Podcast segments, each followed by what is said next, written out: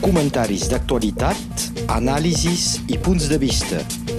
La crònica d'opinió amb l'advocat Pere Beca. Tenim ja amb nosaltres en Pere Beca. Bon dia. Bon dia. Avui hem de parlar d'aquest eh, incendi que estem a l'abril, eh, però eh, l'hem de lamentar un, el primer gros incendi de la, de la temporada. Mm, Què ens està passant, Pere? Doncs mira, mm, sí que és una gran novetat, perquè quasi bé mil hectàrees van cremar al sud del poble de Banyuls eh, i eh, tot el terme de l'Ajuntament de Cervera i una mica va passar cap a Portbou. Això mm, solia passar, no cada any, però a l'estiu sí que hi havia incendis. Però fins ara, que jo recordi, mai a la primavera i al començament de la primavera, que és el moment que normalment eh, la vegetació està creixent, eh, hi ha aigua, tot és més fresc. I només en un dia quasi bé 960 hectàrees, diuen, eh, van cremar, malgrat el fet que s'hi van posar mitjans, eh, en un moment determinat hi havia més de 500 bombers francesos, més els bombers catalans, que no sé quants eren, més de 80 vehicles de la part francesa, 5 avions que anaven donant voltes malgrat el vent i les eh, dolentes condicions atmosfèriques.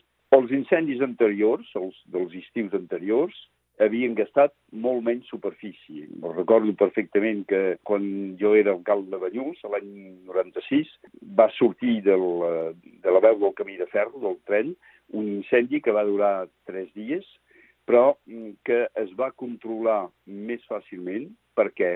Perquè hi havia més vinyes i més vinyes cuidades i que, precisament com a resultat d'aquest incendi, es va decidir en aquell moment de plantar 15 o 20 hectàrees a la zona mateixa de Perafita, allà on s'ha declarat altra vegada aquest incendi.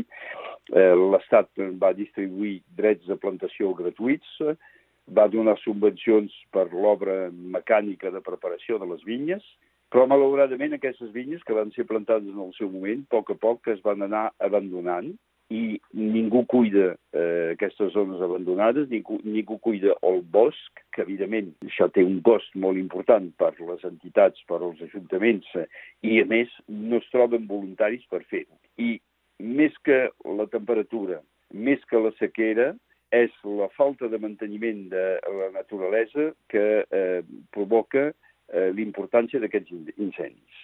Fer ecologia no vol dir abandonar-ho tot i deixar la natura, perquè si no passaran cada vegada més les coses que estan passant en aquests moments, és a dir, incendis i el dia que plogui, eh, desaigües perquè no s'ha cuidat la natura. Hem de recordar sempre que les nostres civilitzacions es van construir a base d'agricultura, és a dir, a base de gent que produïa les eines necessàries eh, per eh, cultivar el camp, per produir eh, de què alimentar la població, però tanmateix per d'alguna manera controlar l'evolució de la naturalesa i que això, eh, aquesta base fonamental de les civilitzacions, em sembla que l'estem abandonant molt. Contra aquesta situació, què, què es pot fer?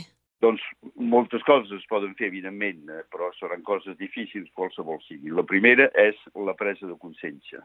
El perill, en aquest cas sembla que l'origen de l'incendi sigui un origen humà, encara que no s'hagi ja s'hagi comple completament comprovat, ve de que eh, la gent eh, no està preparada i provoca incendis o provoca per almenys un increment dels riscos perquè no coneix el risc, no coneix el bosc, no coneix la naturalesa. I doncs la presa de consciència és la primera cosa necessària. La segona seria de trobar la manera de fer tornar la gent al camp amb activitats agrícoles. S'ha de dir que el mateix sindicat dels vins de la zona de Banyuls diuen que no, que no s'ha de plantar vinya perquè l'equilibri del mercat, perquè la producció seria massa alta, però aquest no és el problema, no és el problema de l'equilibri de producció. El problema és de fer que més gent es vagi preocupant de la naturalesa com una eina de manteniment de les nostres condicions de vida. Eh, evidentment que si es podia eh, funcionar aquí com en altres llocs de la plana, amb tractors, amb material, seria molt més fàcil. Però en aquest cas s'ha de trobar la manera de pagar els pagesos amb eh, el seu eh, propi modi de funcionament com gent que siguin responsables d'aquests equilibris ecològics. I una de les coses que em sembla que s'hauria de pensar i que es pensa molt poc és un desenvolupament d'aquest massiu de l'Aldera coordonat davant i banda de l'Aldera, coordonat amb les entitats de eh, Catalunya, perquè mm, hi ha exemples eh, eh, a la zona d'Espolla, hi ha exemples d'agropastoralisme que funcionen i l'avantatge del bestiar aquest és que és un bestiar perfectament sa, primera, i segona, que aquest bestiar assegura el manteniment del bosc. I doncs eh, això pot ser un dels objectes. I ho dic de pas, eh, per arribar a fer aquestes coses no hem de començar per tancar els passos fronterers, però això és una altra qüestió. Segur que és una altra qüestió que, de la qual podríem parlar àmpliament. Um, aquestes solucions que has aportat, és que penses que són factibles? Evidentment que són difícils, perquè eh, la, la primera de les coses que s'hauria de fer és de, i no dic únicament aquí, és eh, de tornar a donar la funció de pagès, la dignitat, la fermesa que tenia realment els pagesos són la base de l'autonomia alimentària. Són eh, els que permeten eh, de eh, mantenir la seguretat de cara als incendis, de cara a l'aigua, i són els que, com jardiners del paisatge, si es pot utilitzar aquesta paraula, i és una paraula particularment eh, específica per la zona de Nyus, amb tot el tema de parets i de manteniment de les vinyes antigues, doncs tot això eh, s'ha de tornar a dignificar, s'ha de tornar a donar no sols un, el diner, el sou, que és important també, però també la, la dimensió de dignitat humana que pot tenir aquesta funció. Els pagesos han sigut molt despreciats. Eh, a la zona nostra, a la Costa Vermella, eh, als anys 2000 hi havia fins a 1.500 hectàrees de vinyes cuidades, actualment tot just n'hi ha 1.000, i cada dia es van perdent. Eh, aquest any mateix es perdrà 50-60 hectàrees de vinyes que no es mantenen. Per què? No hi ha rendiment, però també perquè això és una mica menys preuat. No es considera que això sigui una activitat noble. Llavors que precisament hauria de ser la més.